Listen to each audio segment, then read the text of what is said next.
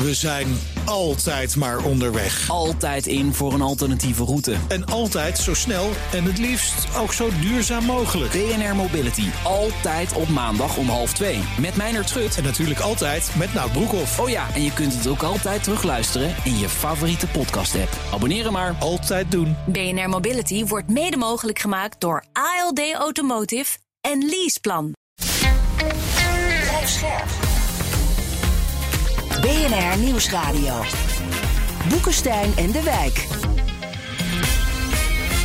Hugo Reitsma. Kabinetscrisis, burgemeesterscrisis, stikstofcrisis. Als we het echt niet meer weten, dan bellen we Remkes. Om de rol van onafhankelijk voorzitter in dit proces eh, te vervullen. De energiecrisis, inflatiecrisis, vertrouwenscrisis. Er liggen een groot aantal problemen die om een oplossing vragen. De chaos in Londen, Ik heb mij hoogelijk verbaasd Italiaanse staatsschuld, waarover ook huiswerkafspraken waren gemaakt. Hongaarse rechtsstaat, Wat is in onze democratische rechtsstaat wel en niet geoorloofd? de oorlog en door Rusland geclaimde gebieden Ik vind dat het kaartje van tafel moet. en Poetins nucleaire dreigement. Dat intimidatie niet geoorloofd is. Kon Remkes het maar allemaal doen? En met een gerust hart terug naar Groningen. Maar ja, wij zitten met mensen als Truss, Maloney, Orbán, Geert en Thierry. Waarom treft ons dit vrede lot? Dat bespreken we bij Boekenstein en de Wijk. Op zoek naar de nieuwe wereldorde. Met onze gast Joep Leersen, hoogleraar Europese studies aan de Universiteit van Amsterdam. Gespecialiseerd in nationalisme en populisme. Welkom Joep. Hallo. Ehm, Joep, is, is die oorlog een beetje het nieuwe corona aan het worden als, als voeding voor populisten in Europa? Ja, eh, natuurlijk, eh, alles is een beetje koren op hun molen. Dus eh, alles wat instabiel is. In de aankondiging klinkt het ook alsof dit allemaal één ding actualiteit is. Maar dat populisme is al heel lang op aan het komen. En we zien al sinds de jaren negentig, dan zijn het de migranten. En dan is het wat er gebeurt in Syrië of in Turkije of met de Koerden. En, en we vergeten bij elke crisis dat we er al een, heel, een, een heleboel hebben gehad. Dus eh, in feite is het een soort estafette van crisissen. En is die opkomst van het populisme eigenlijk de, de, laatste, de laatste ronde daarin. Nu op die actualiteit kan je ook verklaren Ja. waarom populisten zo vaak pro-Rusland zijn. Zit daar een logica in? Ja, ja ik, denk, ik denk van wel. Ehm, in, in, de, in de wetenschap wordt het populisme een, een thin-centered ideology genoemd. Dus een, een eh, politieke doctrine die niet echt concrete ideeën heeft hoe je de maatschappij moet indelen, wat je met eh, het geld moet doen, wat je met de macht moet doen. Ehm, en ze, ze, ze kunnen dus eh, tamelijk flexibel schakelen tussen diverse politieke gezintes. Het is eigenlijk een soort magisch maakje dat je aan de, aan de christendemocratie of aan het liberalisme of aan, zelfs aan de sociaaldemocratie kunt toevoegen. En eh, vandaar dat dus eh, ja, mensen soms heel erg van Trump gecharmeerd zijn en soms heel erg van Poetin en soms heel erg van Erdogan of Berlusconi. Dat is omdat eigenlijk het populisme zelf niet echt eh, thuis hoort op de, het links-rechts spectrum.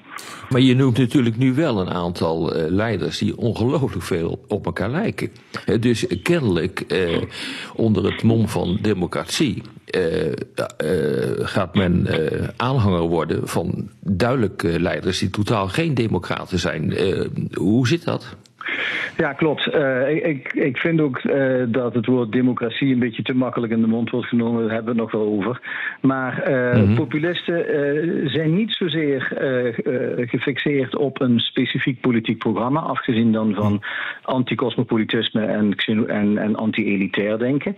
Maar ze zijn erg op charismatische leiders. Dus eh, je ziet eigenlijk dat men gaat dwepen met een leider die dan helemaal eh, ook via alternatieve media een, een enorm bijna religieuze cultus kan opzwepen. Eh, dat hebben we hier zien gebeuren met Pim Fortuyn. Je zag het in Amerika met Trump. En je ziet het ook wel een beetje, nou, Berlusconi, Erdogan, de, de, de voorbeelden zijn legio. Ehm, en dat betekent dus ook dat die, die, die- dat gezag van die, van die leiders, dat is ook weer niet gebonden aan een partijpolitiek programma. Mensen stemden op Forum terwijl het, voor de statenverkiezingen, terwijl het politieke programma op, op dat moment bestond uit een aantal bullet points op sociale media. Dat was alles wat ze hadden. Het ging helemaal om Thierry. Dus het is de, het charisma van de leider dat aanspreekt. Heeft het ook niet gewoon te maken met het feit dat de wereld in hoog tempo aan het veranderen is en dat mensen houvast zoeken? En uh, dat dat dan handig is wanneer je een, een, populist hebt met een mobiliserende strategie, niet met een oplossende strategie, maar een mobiliserende strategie, die op die manier de mensen naar zich toe kan uh, trekken en zegt van hoor eens even, vertrouw mij, ik heb een oplossing voor alle ellende die in de wereld gebeurt en ik bescherm me daartegen. Ja, dat klopt. Uh, nee, dat, dat ben, ik zal dat absoluut niet tegenspreken. Dat geldt niet alleen voor Nederland, dat geldt eigenlijk voor, voor heel Europa. Het geldt ook voor Westen en het geldt voor Rusland na het communisme. Ja, dus, uh, na, of na Gorbachev uh, en Yeltsin, sorry. Nou, Yeltsin was al een beetje een populist. Maar inderdaad, je krijgt snelle veranderingen. Nu moet ik wel zeggen, elke generatie denkt dat zij de snelst veranderende generatie aller tijden zijn. en elke generatie denkt dat het nu bijna de, de, de natuur ten dode is opgeschreven. Dat is een soort chronisch idee dat, je, mm-hmm. dat elke generatie uniek is en op een kantelpunt staat. Maar uh, inderdaad, uh, de mobiliteit is toegenomen, de, uh, de politieke onzekerheid is toegenomen en er zijn inderdaad veel crisissen. En dan heb je behoefte aan mensen met een, een charismatisch gezag en een, een, een, boodschap van ik begrijp wat er aan de hand is, I feel your pain. Ja. Zeg maar, is onze grote zwakte in alle crisis die ons nu treffen, is dat nou dat populisme of is het juist een gebrek aan visie en uh, charismatisch leiderschap bij de traditionele partijen? Ha, ja, uh, dat is een hele goede. En uh, ik denk dat uh, er inderdaad een gebrek is aan leiderschap in het politieke midden. We, we, zien bijvoorbeeld, als, als, je kijkt naar de, de leidende gedachten van de middenpartijen, dan waren dat denkers als Karl Popper voor het liberalisme en, en Jacques Maritain voor de christendemocratie. Die zijn eigenlijk ingehaald door, door Hayek en, en Friedman en, en door een soort deregulerend idee van een kleine staat en een vrije markt. Um, en sindsdien is de staat. Ik ben nog van de generatie dat ik een, eh, een, een jeugdrekening had bij de Rijkspost Spaarbank. Uh, en uh, mijn vader betaalde graag zijn belastingen, omdat hij wist dat de regering dan nuttige dingen niet deed, zoals dijken bouwen en, en, en, de spoorwegen ja. en de PTT. En, en je zat in het ziekenfonds, ja. Ja, precies. dus dat was eigenlijk een, een soort, nou ja, een, een verzorgingsstaat of een, een, een BV-staat, waarbij de belastingbetaler betrokken was. En dat is helemaal gedereguleerd. Dus dus de energiebedrijven, de, de posten, de NS, noem maar op. Al die staatsvoorzieningen waarbij de burger dacht, daar gaan mijn belastingcenten aan op, die zijn aan de markt overgelaten. En wat je ziet is eigenlijk dat de staat minder regeert. En naarmate de staat minder regeert, uh, leggen ze meer de nadruk op de symboliek van de natie. Ik vind het hmm. heel bijzonder dat, uh, nou ja, hoe, uh, hoe, hoe, zeg maar meer vrije markt denk, uh, denkend de staatslieden zijn, des te meer vlaggen staan er op de achtergrond. Trump heeft iets van 30 Amerikaanse vlaggen. Wij hebben het ook nodig gevonden om de drie kleur in de Tweede Kamer te zetten. En de eerste was niet groot genoeg, er moest een grotere komen. dus onder Rutte, terwijl de hele staat aan dereguleren is en de markt zijn werk wil laten doen en de, de verantwoordelijkheid bij de mensen zelf wil leggen, wordt wel de vlag steeds groter gegeven. Dat is een witwatrelatie. Dus naarmate de staat minder wordt, wordt de natie meer. En uh, dat speelt natuurlijk in de hand van mensen die, ja, uh, die dan zeggen: Oh ja, het draait om de vlag. En dan krijg je tea parties. En je krijgt boze, boze boeren die de vlag op zijn kop zetten. Uh, dus ik denk uiteindelijk dat de middenpartijen toch een beetje moeten kijken of de oude heren een krijtje pakken misschien toch niet een beetje beter deden dan zij nu. Ja, ja. Mm. Dat is een hele interessante, gaan worden. is een hele interessante gedachte, Joep, die je daar hebt. Want vroeger was het dus zo dat uh, Europa kon uh, gedepolitiseerd zijn. En de, de krijtpakken die maakten de gemeenschappelijke markt... waar we overigens ook heel erg rijk van geworden zijn. Maar ja. door de hele dereguleringsoperatie, het neoliberalisme...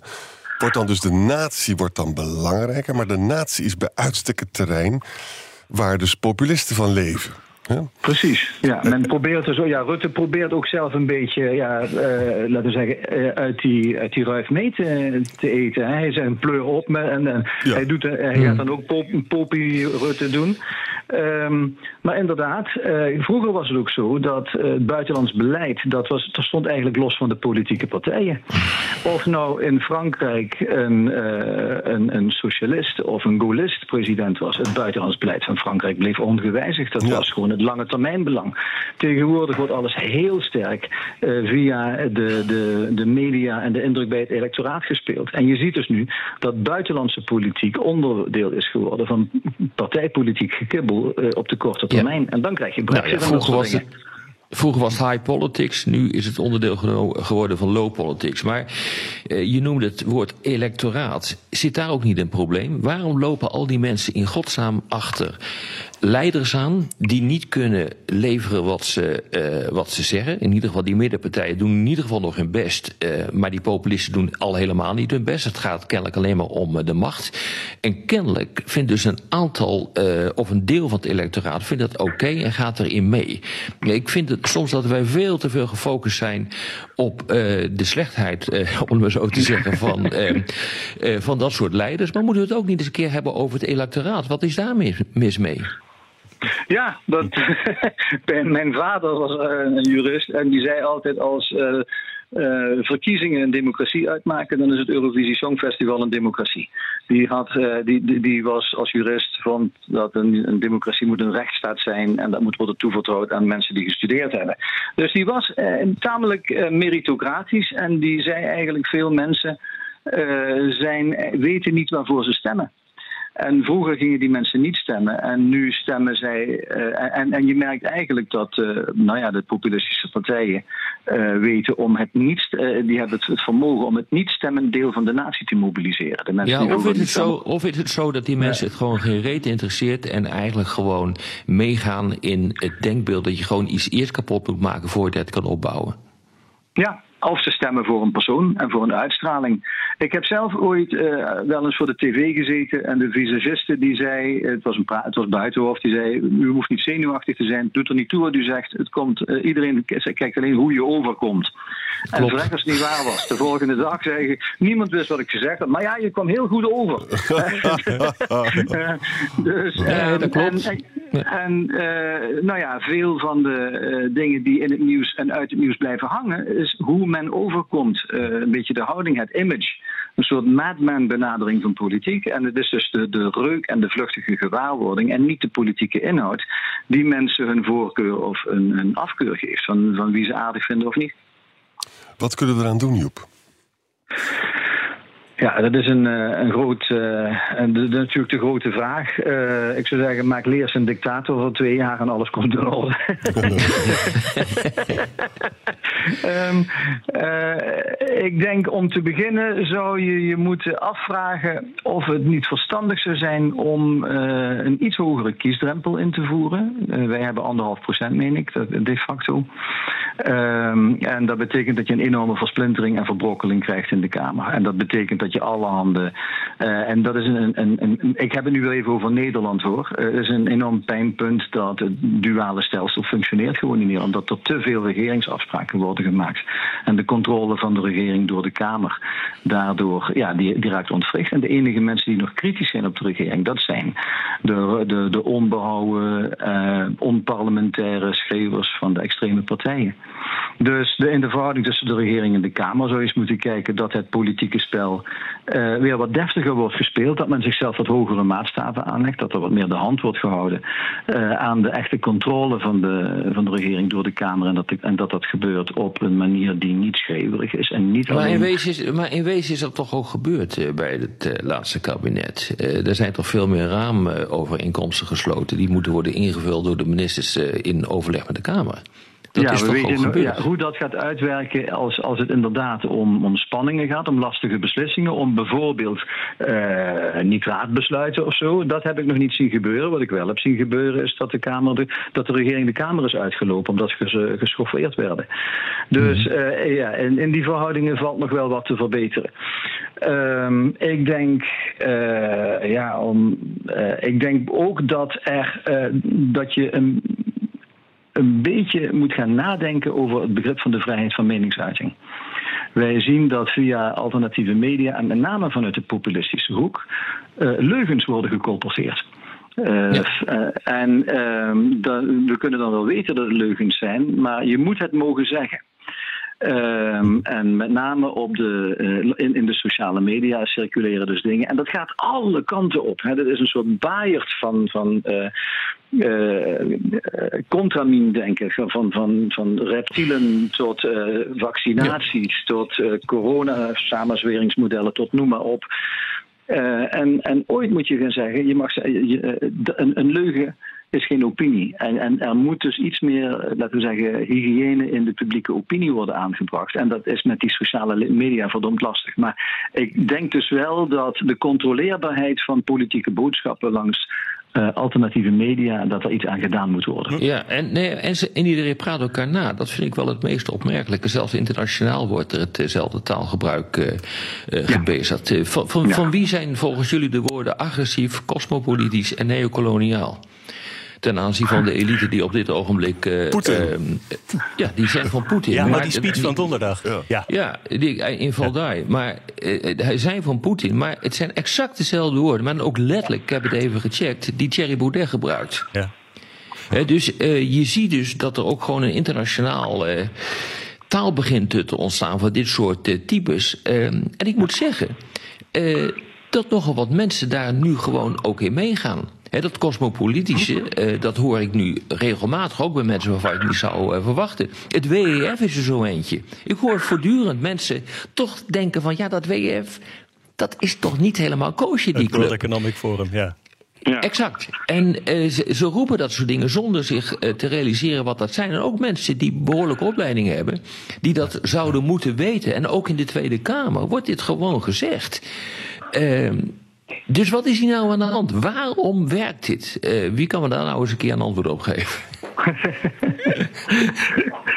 um, nou, ik wil wel even een voorzetje doen. Um, ja. ik, ik, heb dit in de jaren zeventig al zien gebeuren met uh, arbeideristische taal. Toen, kregen ook, uh, toen vond men het nodig om heel erg over klassenbewustzijn en de economische verhoudingen en, en, en, een soort marxistisch taalgebruik om de maatschappij te analyseren. Uh, dat, dat, dat moest je gebruiken en dat gebruikte iedereen. En daar was ook een soort chameleongedrag. Dat zit een beetje in de mens. Als wij praten, dan moet, praten we met een taal die van ons allebei gemeenschappelijk is. En we hebben de neiging om ons taalgebruik te conformeren aan onze gesprekspartner. Ik praat nu anders met jullie dan ik zou praten hier in Maastricht als ik zo meteen uh, een oude kennis tegenkom.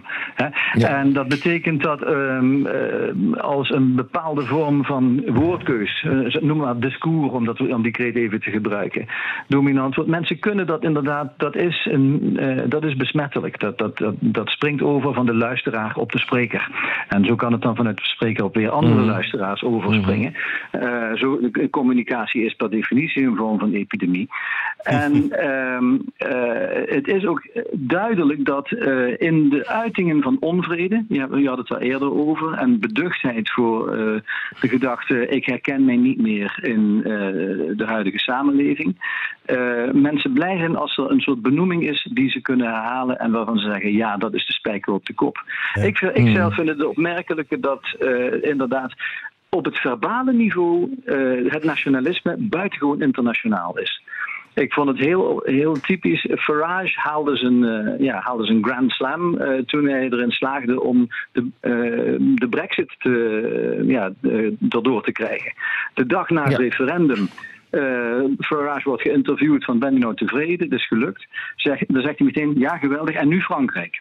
Uh, en dan ging meteen ja. met de, de pen praten in Frankrijk. En dan denk je, ja, maar waarom doe je dit? Je had toch helemaal niks met Europa? En je wilde toch ja. weg uit Europa? En je wilde toch gewoon lekker geïsoleerd in je eigen globale Engeland zitten? Nee, hmm. hij gaat meteen netwerken met gelijkgezinden elders. Dus denk niet dat iedereen bezig is met alleen het eigen land. Dit is echt een internationale uh, ideologie. Net zoals het feminisme of uh, de, de, milieubeweging of noem maar op. Dit is gewoon, en het is internationaal. En je ziet ook pogingen om dat internationaal te institutionaliseren. Bannon probeert een, een, academie zo... op te zetten. En er zijn pogingen om extreemrechts uh, kartels Klopt. te vormen voor het Europees Parlement. En men probeert dus van het verbale over te springen naar een echt institutionele internationalisering. Dat zie ik Maar Arend Jan, jij bent, Arend Jan, jij bent uh, de enige echte oud-politicus in dit uh, gezelschap. Uh, hoe zou jij dit willen oplossen dan? Want je hebt die vraag gesteld. En daar is niet helemaal een antwoord op gekomen, maar je hebt vast absoluut vergeven denkbeelden Doe nog hierover. eventjes snel de oplossing, voordat we uit de het, tijd is, zijn. het is ongelooflijk lastig. En het, het probleem waar ik het meest mee worstel is... eh, Kijk, ik ben heel erg voor factchecks. En ik vind ook dat de vrijheid van meningsuiting... betekent niet dat je leugens... Opinie is geen leugens. Joep zei dat ontzettend helder. Hè? Maar waar ik mee worstel is dit. Als een Kamerlid oproept verholen tot geweld... Hè, of omverwerpende democratie... Ja, als je dan boeken gaat lezen over militante democratie... de democratie moet heel agressief zijn... naar mensen die de democratie willen omverwerpen. En daar zie ik vind dat Gideon van Meijden echt die, die grens alles overgegaan. Maar ja, een partijban, dan gaan ze dus ondergronds. Hè, zo is mijn tweede gedachte dan. En dan weet ik het ook allemaal niet meer. Heb jij er nog ideeën over, Joep? Ja, nou ja, inderdaad. Ik hoor heel vaak dat, dat spelletje whack-a-mole. Hè? Dat, een, een, dat is een, een, een mol steekt de kop op. Je geeft er een, met een, een hamer een klap op, maar dan steekt hij elders weer de kop op. En dan zegt men, ja, eh, laat ook maar. Ik word alleen maar moe van al die, die klappen uitdelen. En je krijgt, dan gaat het toch alleen maar ondergronds. Ehm, ik ben nog van de generatie van het eind vroeger. En toen ik in Duitsland studeerde, was een van de leuzes. Toen was er ook nog neonazidom. eh, dat, dat bestond nog altijd. Dat was weer het ding aanvangen. Dat was een soort weerbaarheid. Eh, je moet elk, elk beginnend eh, neofascisme de kop indrukken. Want om de, eh, de dichtregel van Brecht te citeren: lebendig nog is das Leib aus dem das kroch. Dus het kan nog altijd nieuwe vormen van nationalisme voortbrengen. Dat was hem de houding in de jaren zeventig. En men was dus heel alert en het woord is inderdaad weerbaar. En er is nu een zeker defetisme van ja, ach, eh, dat verbieden, wat, wat koop je ervoor? Nou, eh, je koopt er veel meer voor dan als je helemaal niks wil verbieden, omdat je er te lui voor bent. Dus ik denk dat wat meer weerbaarheid. Ik, het is bijvoorbeeld heel interessant als, als je naar Duitsland kijkt. Hè? Dat, Duitsland is dus door wel de allerdiepste vorm van politieke foutheid heen gegaan die we ons in de geschiedenis kunnen voorstellen. Ja. En eh, in hun grondwet na de oorlog hebben ze alles gedaan om dat volstrekt onmogelijk te maken. En dat betekent dat eh, het verspreiden van, eh, van racistische opmerkingen en hate speech en dat soort dingen, dat is daar verboden als uh, zijnde verfassungswidrig tegen de, de constitutionele orde. Dat begrip hebben wij niet in, de Nederland, in het Nederlandse recht.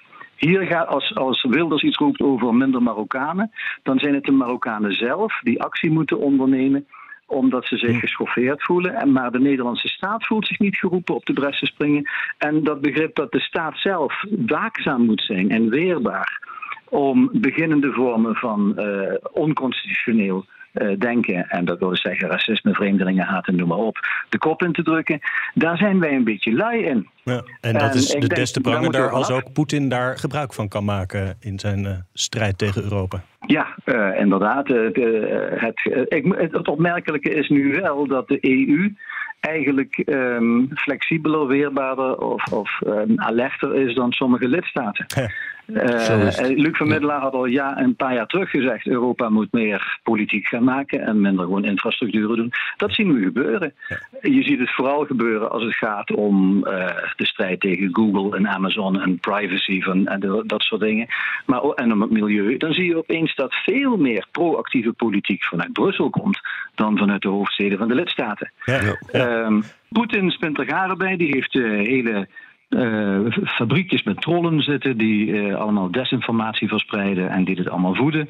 En het is voor hem gewoon een derde front. Ja, op de radio moeten we alweer afronden, maar in de podcast gaan we langer door met luisteraarsvragen. Wellicht komen we dan wel tot de oplossing van deze kwestie. Ja. Luistert u op de radio, dan verwijs ik naar boekensteinendewijk.nl of boekensteinendewijk.live.nl voor Boekenstein en de Wijk in de theaters. Wees er snel bij, want er raken er al een heel aantal uitverkocht.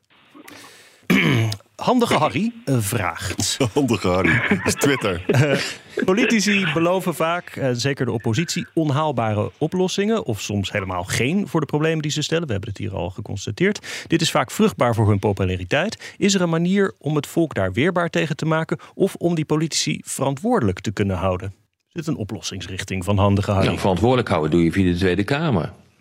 Ja, maar het probleem is natuurlijk ook dat uh, oplossingen verwateren. En zeker in Nederland hebben we een polderlandschap. En alles wordt uh, verwaterd doordat uh, je uiteindelijk compromissen van compromissen krijgt. En dus het is nooit goed. Nooit is iemand helemaal tevreden. En dat is ook democratie. En ik denk dat mensen ook wat dat betreft zich moeten realiseren dat ze ook gewoon moeten, tevreden moeten zijn met de uitkomsten die het zijn, die er zijn. En dat dat niet altijd betekent dat zij daar ongelooflijk veel profijt van hebben. Ik heb, ik heb een heel klein oplossingje bedacht. Mogen jullie mij uitlachen?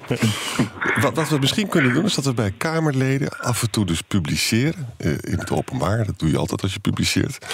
Van bijvoorbeeld Gideon van Meijeren is en lid van de gemeenteraad... en van de Provinciale Staten en van de Tweede Kamer.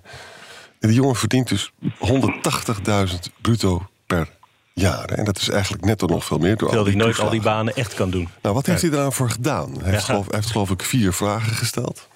En twee amendementen over de Wappidom natuurlijk. Hè. Is wel een beetje mager eigenlijk. Hè. Kunnen we niet mensen dus ook afrekenen op, op wet, eh, wetsvoorstellen, amendementen en ook ideeënrijkheid? Of in ieder geval dat gewoon in een tv-programma aan de orde stellen. Niet dat dat nou al, allemaal gaat oplossen, maar nu, nu kom je er wel heel makkelijk mee weg. Met, met een stapelarij die nergens op slaat. Het kan fysiek ook helemaal niet dat iemand dat allemaal doet. Maar het is natuurlijk geen oplossing, jongens. nou, ik, ik heb er wel een zekere sympathie voor. Uh, want wat, wat de burger ontzaglijk vervreemdt van de politiek... dat zijn de beelden die je soms ziet van een, een, een Tweede Kamer die bijna leeg is. En daar is dan een, een wetsontwerpenbespreking... en er zijn een paar uh, leden van fracties die daar toevallig over gaan... en die zijn erbij en voor de rest... Nou, dat, dat, is, uh, dat is funeste publiciteit voor de democratie... als je dat soort beelden ziet. Dus ik denk dat inderdaad het Kamerlid daar zouden wel wat hogere maatstaven aan moeten worden, kunnen worden gelegd. Het feit bijvoorbeeld dat uh, bepaalde, uh, nou ja, in dit geval forumleden, weigeren om hun neveninkomsten op te geven, daar gaan we buitengewoon slap mee om. Ja. Uh, dat is echt stinkende heelmeesters. Ja. Men, dat men, men breekt echt de regels. Men dan zeggen ze, ja, dat is toch wel erg moeilijk om daar dan een sanctie aan te verbinden. Nou, zo komen we er nooit. Nee. De, een ander punt. Um, ik vind het op zichzelf heel erg vreemd dat uitgerekend de mensen die enorm tegen boerka's gekant zijn en tegen hoofddoeken, uh, altijd een, een, groot masker voordoen als ze uh, op Twitter gaan. Ja. Of op, op dan hebben ze altijd een, een soort alternatief naampje en dan, dan, gaan ze nooit met hun eigen identiteit. Mm. Um, en ik vind eigenlijk dat, ik, ik, ik begrijp dat niet. Waarom zou je het anoniem mogen twitteren? Men heeft in Duitsland, dat heeft de Bildzeitung nota bene gedaan, niet een krant die ik normaal erg hoog heb zitten. Er waren buitengewoon smerige um, uh, tweetberichten bij de eerste golf vluchtelingen. Toen krijg je tweets in de geest van we hebben nog wat gas uh, over in Auschwitz, we kunnen er hè, echt buitengewoon gehoor. En Beeld heeft toen eigenlijk met naam en toenaam gezegd wie die tweets heeft geplaatst. Dat was die meneer Schulz uit Frankfurt en die mevrouw Schmid uit Bremen die dat heeft gedaan. En dan moeten mensen dus met open vizier staan voor wat ze zeggen. Nou, dat soort transparantie, daar is veel voor te zeggen, denk ik. Ja. Uh, Balansdenker had, vond ik wel een verrassende gedachte. Die vroeg: speelt de vergrijzing mee in het verkiezen van visieloze managers en populisten? Nee. nee, dat denk ik niet. Nee, dat is denk ik echt onzin. Uh, waarom moet je dat nou weer trekken in een, uh, in een soort generatieconflict? Voel je je aangesproken? Nee, absoluut, nee, ik volstrekt niet, nee. Maar het, het hele probleem zit hem er gewoon in uh, dat, we, dat ik denk dat de menselijke geest ook niet toereikend is om al die grote problemen aan elkaar te koppelen en daar een oplossing voor te bedenken. Mm. Ik denk dat daar een groot probleem in zit. Of je nou jong bent of oud. Maar ik wil misschien toch uh, een beetje een lans breken voor de opmerking. Um, uh, het is misschien juist de grijze generatie die uh, nog weet hoe het kan misgaan in Europa. En die de familieverhalen over de bezetting hebben gehoord. Um, en misschien is het nou juist het feit dat hun aanwezigheid in het politieke, in, in, in het politieke veld minder aan het worden is verantwoordelijk voor het feit dat de waakzaamheid afneemt. En dat men eigenlijk gewoon een, een meer materiële korte termijn koers is gaan varen. Dus in, in, in, omgekeerde zin denk ik dat er misschien. Ja, denk dat, dat, zo is. dat merk je ook bij de 4-5 mei-vieringen. Van, hoe spreekt dit nog aan? het is lang goed gegaan omdat mensen de, de gedachten aan, aan Hitler en Stalin in het geheugen hadden. En ja, ik denk dat, je daar gelijk in hebt. dus misschien is het in, in, in diepe interpretatie is er toch wel wat voor te zeggen. Ja, oké. Okay. Calcolo Ergensum vroeg is er een verband tussen de visie van de leidersgeneratie Rutte en het neoliberale aandeelhouderskapitalisme, nou daar hebben we het over gehad, en de ideeën van Hyman Minsky over instabiliteit? En volgens mij zei Minsky van dat instabiliteit wordt eigenlijk veroorzaakt door stabiliteit, omdat mensen dan steeds grotere risico's nemen, want alles gaat toch wel goed. Ja, ja, ja. Beetje, beetje, de, beetje het Franse politie binnen de NAVO. Ze konden daar afstand nemen omdat de Amerikanen toch wel beschermden. Hè? Ja, dit ging vooral over economie volgens mij. Ja, ja. ja. Anyone? Hebben we daar nou een antwoord op of niet op deze vraag? Ik probeer dat uh, zo te omzeilen. ja, maar we hebben ook een expert genaamd Joep. Ja. ja, maar ik ben, ik ben, ik ben geen econoom. Um, um, en ik ben eerder ideehistoricus. Dus, ik, uh, dus uh, ik, nou, ik denk wel dat de gedachte van dat. Um, aandeelkapitalisme, uh, daar, zit, daar zit een boel in. Uh, ik bel nu vanuit, Lim, uh, vanuit Limburg. Je wil niet weten hoe hier de hele provincie is gaan stijgen toen Heineken besloot om de Brands bierbrouwerij te sluiten. Uh, het bier waar Limburg trots op is. En wat krijg je dan? Je krijgt een familiebedrijf dat wordt op de slagbank wordt geleid om de aandeelhouders van Heineken tevreden te stellen met een beter winstmodel. Dus het ondernemerschap, dat heeft ook bij, mhm. bij de een hele sterke, krachtige uh, basis in de bevolking. Maar men voelt zich inderdaad door het grootkapitaal en door mensen die alleen maar vanuit de beurs kijken naar de koers van de aandelen en het investeringsklimaat, ook daar economisch in de kou gezet. En dan krijg je boze boeren. Uh, en dan krijg je inderdaad populistische ressentimenten. Die zijn dan weer links eerder dan rechts. Die zijn anticapitalistisch. Heel boeiend. En die opmerking over Rutte, ik zat er nog even over na, na te denken. Kijk, als je, de, als je ideologie hieruit bestaat dat we gewoon moeten dereguleren dat de staat kleiner moet worden, dan word je natuurlijk vanzelf ook een procesmanager. Rutte past daar natuurlijk prachtig bij. Ik heb altijd me afgevraagd waar hij nou eigenlijk voor stond. En ik ben daar nooit achtergekomen. We zeiden de fractie ook wel eens van... hij zou net zo goed het SP-standpunt kunnen vertegenwoordigen. Ongetwijfeld, ja. Hij is, daar zo ongelooflijk flexibel in. Hè? Ja. Uh, dit is zijn morele kern of zo, heb ik nooit kunnen, nooit kunnen ja, vinden. Ja, maar dat past ook in het Nederlandse politieke stelsel. Waar en, en we hadden het over sterke leiders. Nederland houdt niet van sterke leiders. Wij zijn een polderlandschap. Uh, de, de, de premier is een primus inter pares. Dat is niet de baas van uh, de, de ministerraad, zoals veel, veel mensen denken denken. Dat is gewoon niet zo. Dus dit is gewoon een typisch Nederlands eh, fenomeen. Ja. Ja, ik denk, denk ook eerder, als ik, hem zelf, als ik zelf aan, aan Mark Rutte denk, dan zie ik achter hem de slagschaduw van Balkenstein en al zijn tovenaarsleerlingen. En, um, uh, en, en, en er was een, een tijd lang een, het reële uh, scenario dat de VVD zou ideologiseren volgens uh, het model van de conservatieve partij in Engeland. heel erg Atlantisch, heel erg vrije marktdenken, heel erg Hayek en, en Havik-achtig. En Rutte heeft veel aanvallen moeten afslaan van die extreme ja. rechtervleugel.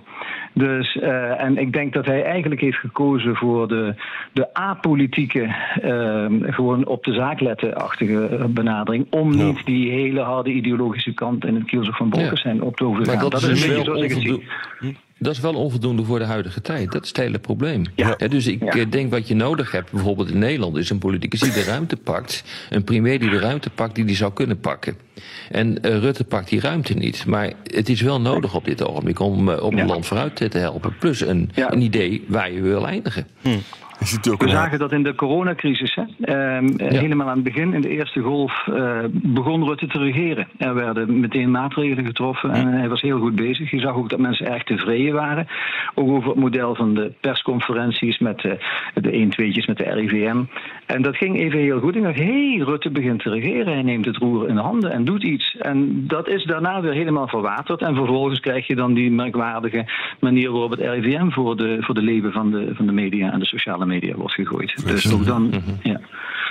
Hey, wat Bolkestein de naam viel net. Hè. Viel me op dat Ruben Brekelmans nou een beetje die rol speelt. Hè. Die zegt gewoon keihard Nederland zit vol. Je, het is echt heel duidelijk PVV-corvée zit nu bij Ruben Brekelmans. Ja, ik vind het een beetje mager. Nou, wacht even. Uh, Hugo de Jonge die heeft precies hetzelfde gezegd hoor. Ik zat uh, in een televisieprogramma in Op 1. Hij zat tegenover me. Ik denk, oeps. Uh, dat gaat ook heel ver. Ja. En, dus je ziet nu gewoon echt dat, ook zeker gezien die, de aantallen mensen die nu in Nederland wonen, en men is redelijk ges, kapot geschrokken van de enorme bevolkingsaanwas alleen al dit jaar is dat er gewoon echt iets aan het veranderen is in, uh, in Den Haag. Ja, en Hugo de Jonge die denkt, ja, dan moet ik nog een miljoen huizen bouwen. Ja, dat is dat zo is het. Ja, en wat dus helemaal niet kan. Ja. Jan-Paul Hof heeft een vraag waarvan hij bijvoorbeeld zegt... sorry, beetje vaag, maar ik vond het toch wel interessant. Hij zegt, een goede leider moet het volk aanspreken... en achter zijn of haar beeld van de maatschappij laten staan. Is het in een postmoderne, pluriforme, multiculturele maatschappij... dan wel mogelijk om een echte leider te zijn? Of moeten we het hele idee van leiderschap anders zien? Oh, is dit weer een te lastige? Obama liet zien dat het kon, toch? Ja. ja. Kan wel. Ja, nou, de helft van het land was heel erg tegen Obama. Ja, maar, maar dat is niet gelukt. Nou, Rishi Sunak is een jongen van Indiaanse afkomst. En de, in, in, in Engeland schijnt dus klasse belangrijker te zijn dan... Uh, dan huidskleur. Dan ja. huidskleur, hè? Ja. Dus het kan wel. Het, het, het, postmodernisme is wel de bed aan een, een deel van de ellende. Ja. Um, want uh, gedachten als dat is jouw verhaal, mijn verhaal ja. is een ander, de waarheid is relatief, uh, al dat soort dingen. En ook het, het, idee van het is nooit of-of, het moet en-en zijn. Dat zijn heel postmoderne manieren van denken. Hmm. En als je dan echt in crisissen komt waar je echt moet kiezen of delen, dan is het inderdaad lastig om het land achter hmm. je te krijgen. Ik vond de verwijzing naar Obama heel boeiend, want wat mij daar opvalt is dat Obama een van de, van de politici was die zijn, die zijn electoraat echt aansprak op een gezamenlijk beeld voor de toekomst. Ja. En dat vond ik heel verfrissend, want heel veel. Um, uh, nationalisten denken met name aan het gedeelde verleden en de gedeelde herkomst en de, het erfgoed en de tradities. Um, en de saamhorigheid wordt uitgemaakt over waar je vandaan komt. En voor Obama was het waar, waar je naartoe gaat. Ja. Nou, Nederland is nooit krachtiger geweest dan toen we de Delta-werk aan het doen waren. Na 1953, na de watersnoodramp, dat was een project. Je had iets om je tanden in te zetten. Um, en ik denk dat uh, zelfs in een pluriforme, multiculturele en een beetje narcistische samenleving met veel identity politics ter linker en ter rechterzijde. Uh, een echte staatsman, uh, misschien met een goed project voor de toekomst, uh, wel een, een, zekere saamhorigheid en, en, en, en, een, ja, een, een, een, een soort ja, solidariteit van een, onder, een gezamenlijke onderneming zou, zou kunnen creëren. Maar, maar, maar de tijd ra raakt al toch steeds meer rijper voor. Uh, als ja. ik gewoon nu kijk hoe mensen al bang zijn voor atoombommen, de oorlog in Oekraïne, hoe die zou kunnen overslaan. Uh, klimaatverandering, de meest barre uitspraken komen nu ook van de VN dat we echt nu op een tipping point zitten. Ja. Dat, dan raakt de tijd toch rijp om die solidariteit en die onderlinge samenhang weer te gaan organiseren op basis van een goed verhaal. Mensen Absoluut. moeten toch. veiligheid, veiligheid wordt weer een issue. Veiligheid heeft te maken met klimaatverandering. Veiligheid heeft te, heeft te, te maken met, met mensen als Poetin. En uh, ik, ik constateer gewoon al in, in, in mijn omgeving dat mensen anders aan het nadenken zijn. Ook de jongeren. Ja. Dat klopt. Uh, um, uh, met name uh, zie ik bij de jongeren hoe het besef van het klimaat niet iets abstract is op, lang, op de lange termijn, maar iets acuuts dat nu aan de orde is. Ja. Het probleem daarbij is alleen, dit is een krimpverhaal. Je moet dingen gaan terugdraaien. Je moet gaan kijken hoe we met minder dingen zaken kunnen. en dat, daarbij moet je op een bepaald moment ook iets gaan doen aan de, aan de nitraatuitstoot bij de boeren en dan krijg je de ellende. Het voordeel, ja. het voordeel van de Delta-werken was, het was een groeiverhaal. Mm -hmm. Ik zou me kunnen voorstellen dat bijvoorbeeld een Euro, op, op, uh, in de Europese Unie, als men zegt we houden op met uh, korte afstandsvluchten, maar we gaan nu ervoor zorgen dat we een goed geïntegreerd Europees treinnet gaan, mm. gaan maken. Dat zou, daarmee zou je denk ik wel een project voor de toekomst kunnen maken. Ja. Misschien nog even tot slot. Thomas Dijker die wil graag een positieve noot. Hij zegt: Is het ook mogelijk om een paar goede leiders te noemen? Een Biden of Zelensky bijvoorbeeld. En waarin onderscheiden zij zich ten opzichte van de matige exemplaren? Het is heel moeilijk. Scholz gaat helemaal niet goed. Die loopt verschrikkelijke ruzie te maken met Macron. Hmm. Macron heeft weer het probleem dat hij te arrogant overkomt bij de gele hesjes. Meloni heb ik ook allemaal bezwaren tegen, maar het valt, Ja, en, valt en nog Biden, mee. En Biden, Arend Jan, is echt interessant. Want als je gewoon kijkt wat die man voor elkaar heeft gekregen... Ja. eh, de, afgelopen, eh, de afgelopen twee jaar... is gewoon zeer indrukwekkend. Volgens mij is de president van de afgelopen decennia... die in de kortste tijd de me- het meeste eh, voor elkaar heeft gekregen... met zijn grote infrastructurele projecten... onder andere in Sociale Amerika. zekerheid, Iedereen, sociale zekerheid. En heel verstandige En buitenlandse toch, en politiek. toch heeft hij een ongelooflijk lage track record. En dat is toch echt raar. Ik vind dat echt benzine is buitengewoon eh, merkwaardig... Ja, exact. Maar Ik, het is eh, wel een merkwaardig fenomeen... dat je dat dus niet kan kapitaliseren. Het is ook, eh, kijk, hij is een beetje, net zoals Johnson nu gezien wordt als de man die het Amerikaanse wegennet voor elkaar heeft gekregen en een heleboel dingen in de voorzieningen. Ja. Dat, dat, is, Ja. dat, is Biden ook- dat is geen glamour, dat is niet een raket naar de maan sturen, maar het is of een oorlog winnen, maar hij doet wel wat. Er zijn voorbeelden. Ik denk dat ehm, eh, in Nieuw-Zeeland Jacinta Ardern enorm, Oh ja, een ja. enorm goede, goede eh, staatsvrouw is. Eh, Ja. Trudeau in, in Canada is ook, heeft een paar eh, schandalen te verduren gekregen, maar is dat heel goed te boven gekomen.